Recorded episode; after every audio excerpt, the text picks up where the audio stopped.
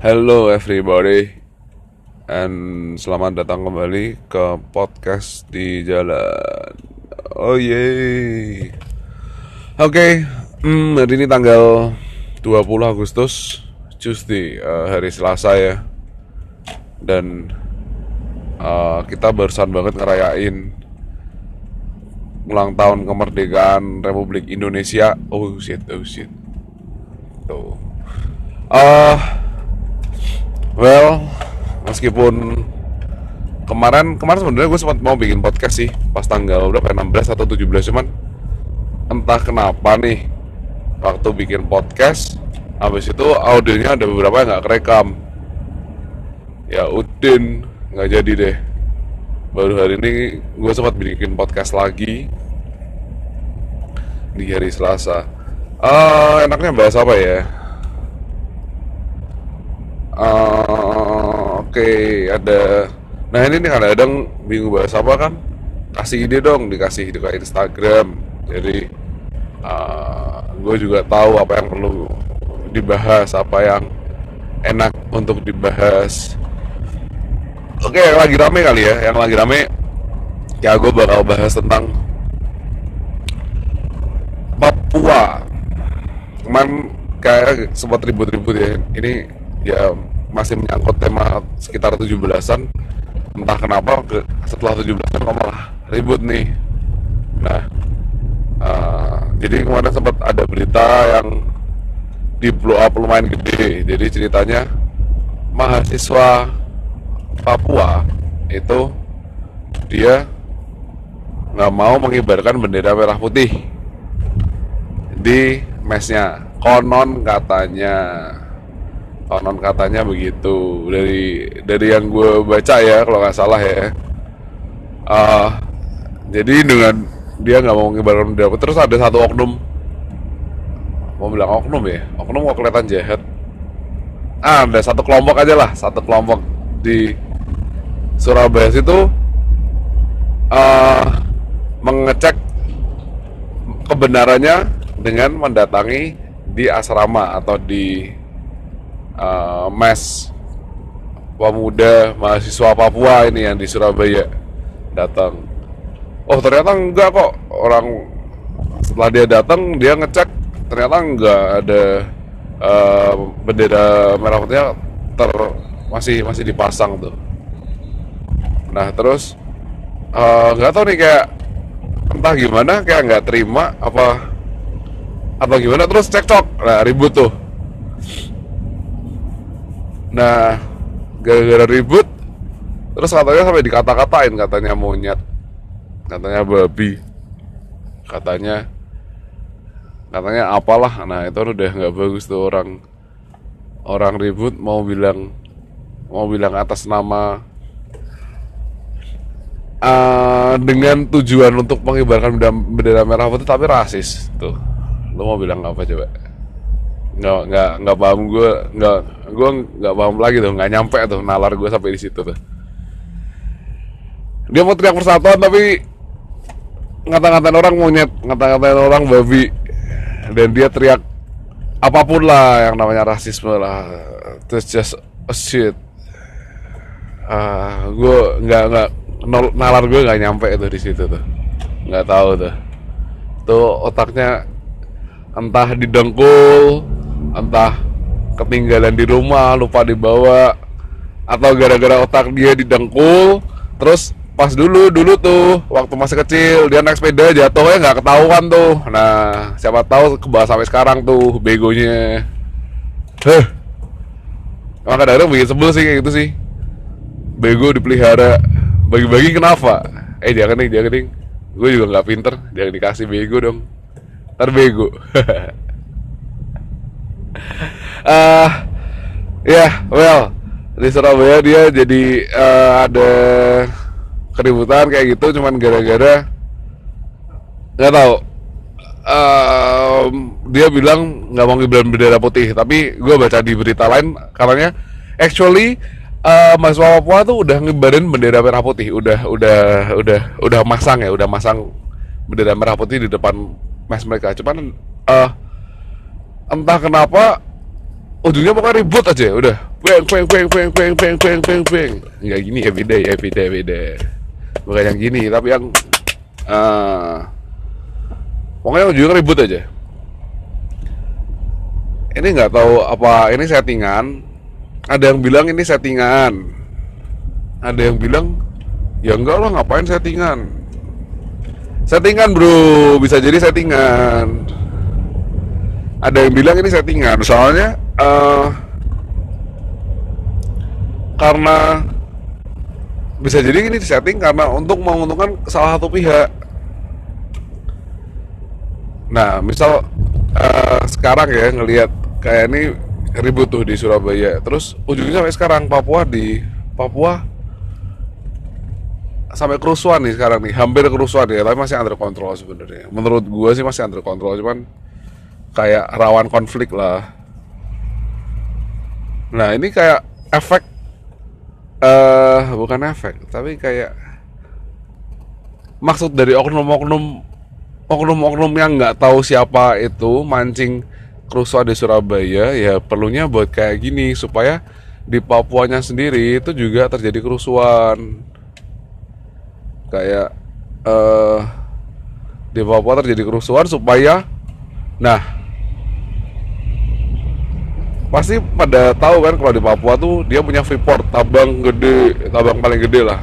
Kalau gue bilang paling gede se Indonesia kali ya. Tambang emas dan konon dan katanya meskipun emasnya digali nggak bisa habis coy. Nah kalau habis bawahnya ternyata katanya ada uranium katanya. Dengar dengar sih gue juga nggak tahu Nah, uranium kalau dijual kan mahal banget tuh. Dan ternyata Indonesia juga punya. Wow. That's a fucking awesome. Nah, uh, balik lagi ke kerusuhan nih. Nah, dari oknum ini kayak mancing kerusuhan memang tujuannya supaya mereka bikin mau bikin Papua ribut.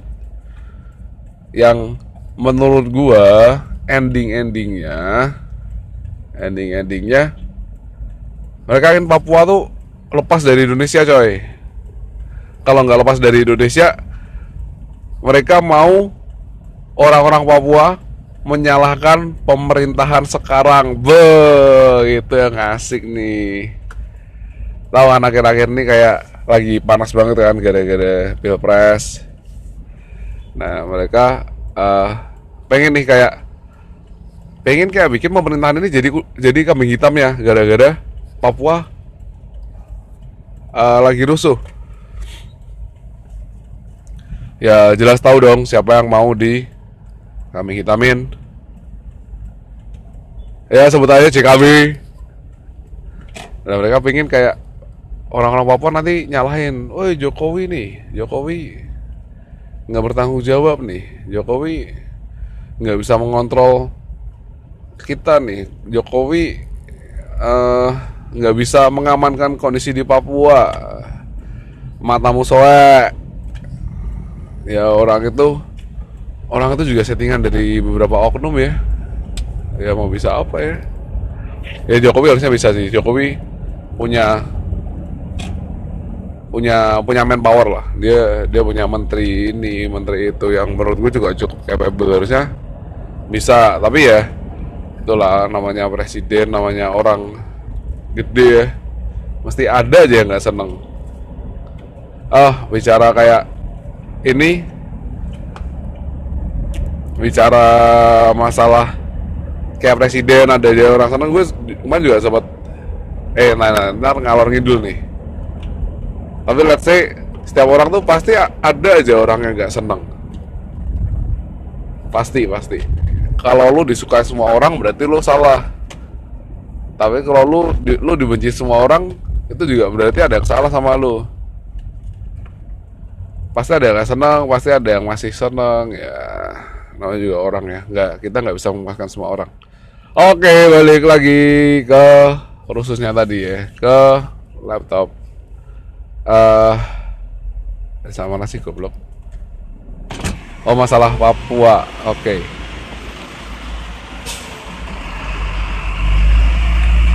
Oke. Okay. jadi menurut gue itu settingan supaya ada beberapa orang yang yang bisa memanfaatkan momentum kayak gitu buat menggulingkan menggulingkan pemerintahan paling paling jelek mengkudeta detat Gak menurut gue gak bakalan sih skenario receh gini sih nggak jadi sih ya tujuannya kayak bikin rusuh terus ujung-ujungnya menyalahkan pemerintahan sekarang si Pak Jokowi. Oh iya yeah, good dengar-dengar ya dengar-dengar kalau nggak salah dan belum pasti supaya gue nggak disu. Uh, jadi dengar-dengar oknum ini yang bikin memicu masalah ini katanya kalau nggak salah adalah mungkin FPI mungkin mungkin cai eh kalau misal uh, omongan gue dipotong ntar gue dituntut lagi. Oh nggak apa-apa. Kan FPI terakhir kan udah nggak diperpanjang izin ormasnya kan? Ya memang dia akhir-akhir ini memang suka bikin onar sih. Ya mungkin nggak ada karena karena nggak dapat jatah ya. Ya whatever lah tapi terakhir sih katanya itu yang bikin ribut. Nah terus uh, kalau misal nanti Pak JKW menyalahkan misalnya FPI nah terus nanti bakal dituntut tuh yang konon katanya tidak pro dengan umat muslim tidak pro dengan uh, uh, kriminalisasi ulama yaitu alasan-alasan klise lah klasik klasik kalau gue bilang. Tapi itu sebenarnya bukan masalah karena Jokowi nggak pro Islam ya karena memang sebenarnya ormasnya yang bobrok ya.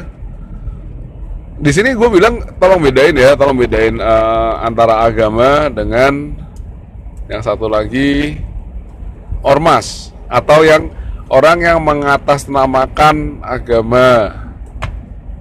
Nih nih nih. Semua agama menurut gua itu nggak ada yang bagus. Eh sorry nggak ada yang bagus. Ya benar. Memang nggak ada yang bagus tapi juga nggak ada yang jelek. Kalau agama lu terlalu bagus ya berarti yang salah lu. Kalau agamamu jelek karena membunuh orang dan lain-lain berarti yang salah juga lu ya memang sih gak ada yang bagus. Tapi menurut gua gak ada yang perfect lah menurutku lah.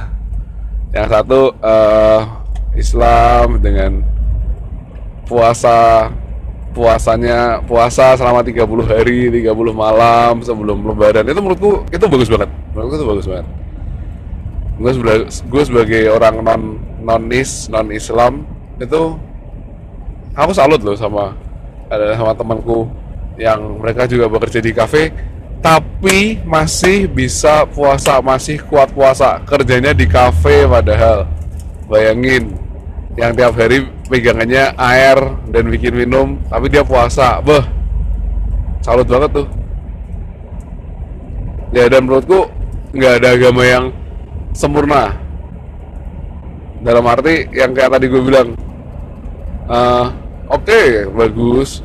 Tapi nggak ada yang paling bagus semua agama bagus tapi gak ada yang paling bagus. Semua agama uh, pasti ada hole-nya sendiri lah ada kekurangannya sendiri dan dia juga menurutku pasti punya kayak sejarah kelamnya sendiri lah kayak uh, ya to be honest uh, Katolik dan Kristen atau Lesen Nasrani pun dia punya sejarah jelek ya. Di Katolik Roma itu dulu sempat ada masa apa ya masa dark age ya dark age or anything anything called like that.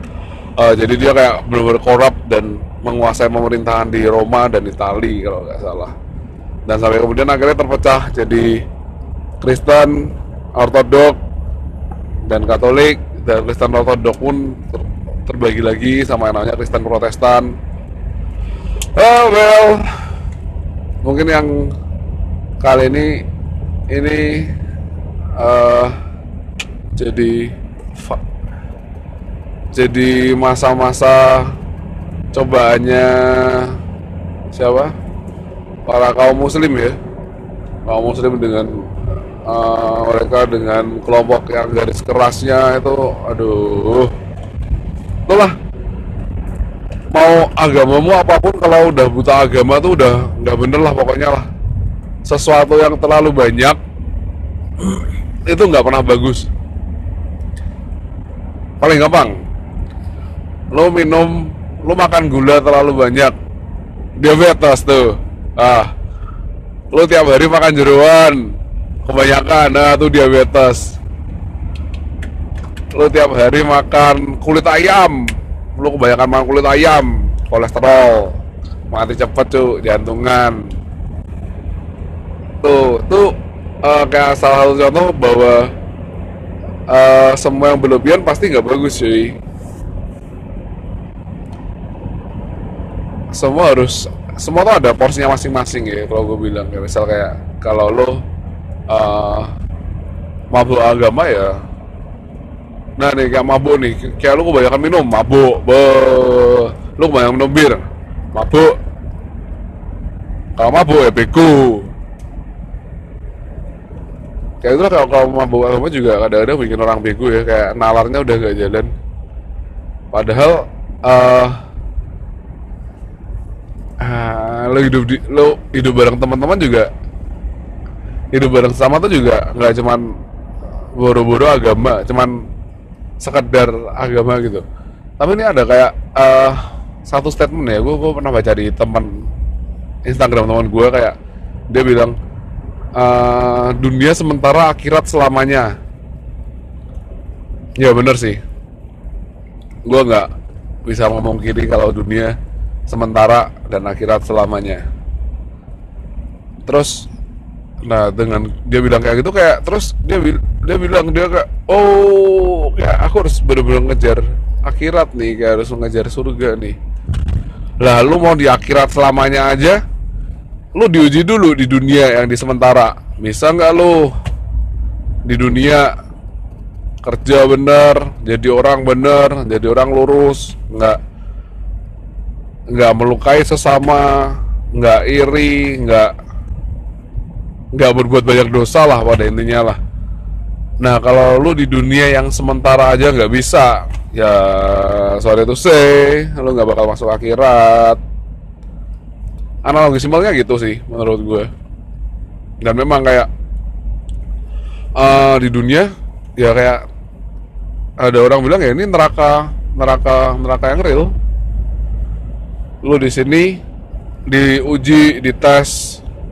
Dan memang kan kadang-kadang kadang-kadang kalau lo urusan sama orang nih ini paling gampang nih urusan sama orang di negara plus 62 nih nih orangnya kan bangsat-bangsat tuh gue gue bilang nggak nggak nggak semua ya cuman mostly kayak mereka lucu-lucu deh. Apalagi kalau lihat kalau lihat Instagramnya receh receh tapi sayang. Dah goblok goblok ya sebenarnya antara goblok tapi juga menghibur tapi ya kebanyakan kalau kayak gitu terjadi di lu lu juga bakal kegi juga kayak kaku kayak kaku hati juga tuh. Nah ini nih kayak neraka yang real nih negara 62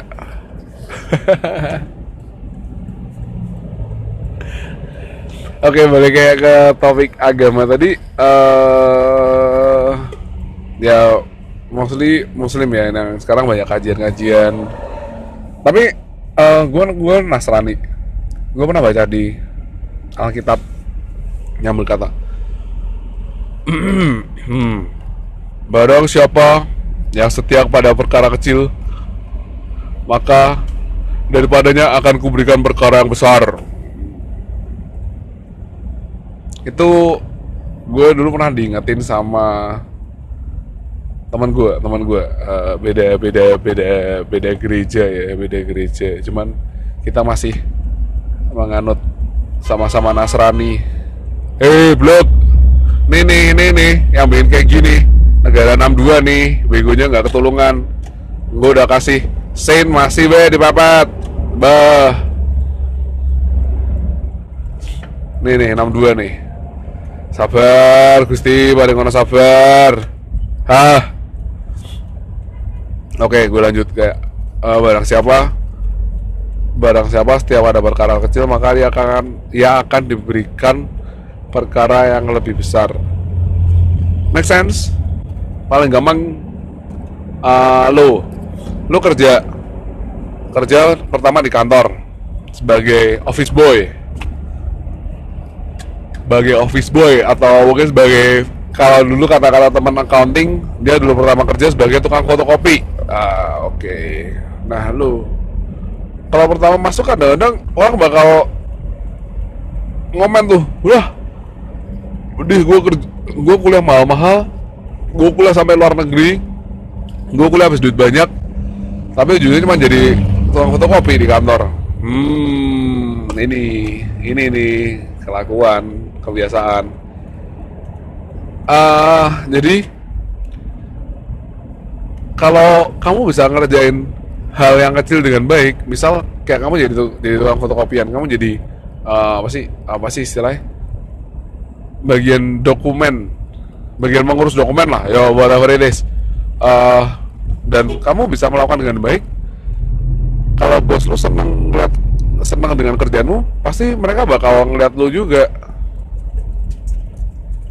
Iya nggak? Iya dong. Kalau misal si bos lu lihat ah ini ini rajin nih orangnya kerjanya bagus. Dia juga pasti bakal eh, lama-lama ngeliat lu dan kemudian dikasih kerjaan tambahan. Dikasih nih kamu tak kasih kerjaan ini. Ini kamu tak kasih kerjaan ini. Kalau itu beres-beres beres-beres terus. Lama-lama kerjaanmu makin gede. Eh jangan sambat dulu kalau kerjaan gede. Berarti kamu dikasih bosnya dikasih kepercayaan yang lebih. Bosmu tuh percaya sama kamu. Kalau udah gitu ya berarti eh harusnya kamu senang dong. Kamu punya kerjaan lebih berarti bosmu percaya bahwa kamu tuh bisa mengerjain kamu bisa mengerjakan kerjaan segitu. Tapi ya, jangan sambat. Kayak gitu malah justru kadang-kadang banyak yang sambat. Sambat sih lah kerjaan kok kayak banget ki. Raiso ki. Hmm. Tapi kalau misal kamu bisa ngerjain itu aku yakin kayak nanti eh, suatu saat nanti juga pasti jabatanmu juga naik. Eh, salary juga ngikutin. Ketiga ya kehidupanmu lebih baik. Kalau kamu cuma gitu-gitu doang ya ya stuck namanya. Jangan jangan cuma berjalan di tempat ya. Berjalan di tempat tuh nggak pernah bagus menurutku. Meskipun ada tantangan diambil. Ya kayak misal kayak eh, dari pengalaman pribadi ya kalau dari aku sendiri sih kayak dulu dari pertama aku dari startnya dari tukang cuci. Serius. Jadi enggak terus eh, backgroundku bukan orang F&B bukan terus masuk di situ terus aku minta ah nggak mau nih aku aku nggak mau dari, dari tukang cuci aku mau langsung bikin minuman. Oh nggak bisa nggak bisa bro. Kamu harus start dari hal kecil dulu. Dia bilang gitu even dulu trainerku dia juga berawal start dari tukang cuci. Dia dulu sempat cerita bahwa dia jadi tukang cuci di sebuah restoran lumayan di Jakarta selama 2 tahun. Bayangin tukang cuci gelas coy. Tukang cuci gelas 2 tahun. Lalu mikir ah emang nggak sayang waktunya tukang cuci gelas 2 tahun? Ya menurut Ngana ya memang kalau bilang sayang ya sayang. Cuman ya mau gimana? Mas maksud mau gimana? Ya itu salah satu dari karir ya. Lo nggak bisa ah damn man damn fuck. Tempatnya penuh dong? Oke gua muter dulu. Oke. Jadi ada nggak enaknya kalau bikin podcast di jalan nih gini nih. Ada-ada kalau misal ada sesambatan di jalan juga kalian juga jadi ikut denger ya nah menurutku kayak ini pod- dari podcast ini.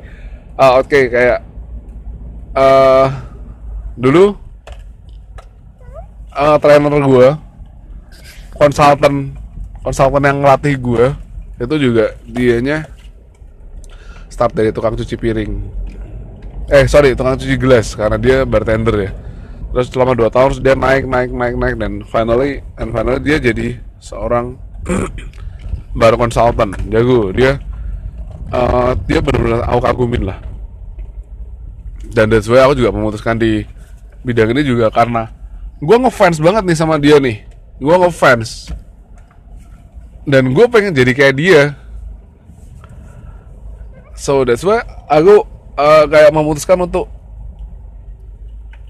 stay di bidang beverage and beverage and mostly aku juga pengen jadi konsultan kayak dia. And uh, at the end ya at the end one mostly.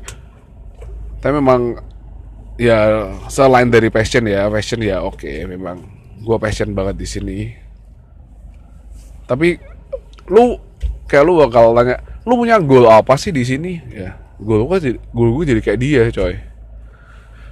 Dan percaya nggak percaya satu lagi goal gue adalah gue pengen jadi kayak Evan Jesslyn ah ya semoga gak ada denger sampai sampai di menit ini ya. Oke okay, uh, mungkin terdengar klise tapi ya menurutku itu bukan Evan Jesslyn ya mungkin jadi satu sosok panutan dan juga satu sosok yang tak bilang rival Enggak lah, gue sebenarnya nggak ada apa-apaan sama Jesslyn, sama Evan Jesslyn. Tapi ya dia mungkin manutan, bukan manutan sih. Gue nggak terlalu menganut gayanya dia ya, cuman rival Ah, don't think so. Oke, okay, well. Uh, aku sudah nyampe tempatnya. Gue udah sampai tujuan nih. Terus Oke, okay, thanks for listening. If you really listening well to my podcast, this one and uh yeah, thanks for listening and see you on the next episode. Bye bye.